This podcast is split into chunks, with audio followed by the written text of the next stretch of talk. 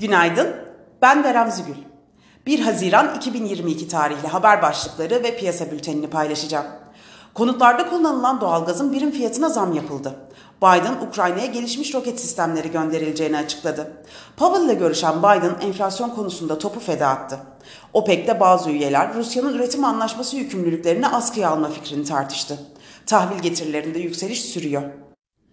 Piyasalara genel olarak bakacak olursak, pay piyasalarında yurt dışı borsalarda dalgalı zayıf seyir devam ederken düşüş trendine girdiğini düşündüğümüz major borsalarda tepki yükselişleri yaşansa da satış fırsatı olacağını ve piyasalardaki dalgalı zayıf seyirin devam edeceğini düşünüyoruz.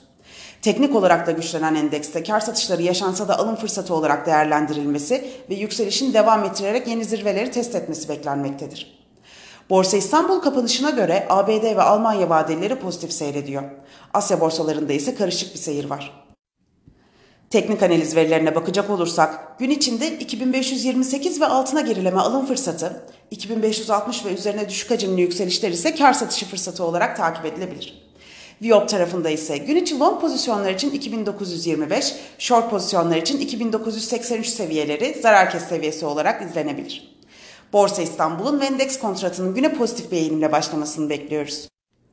1.6 milyar TL aktif büyüklüğe ve geniş gayrimenkul portföyüne sahip Şeker GYO, borsada satış ve eşit dağıtım yöntemiyle halka arz oluyor.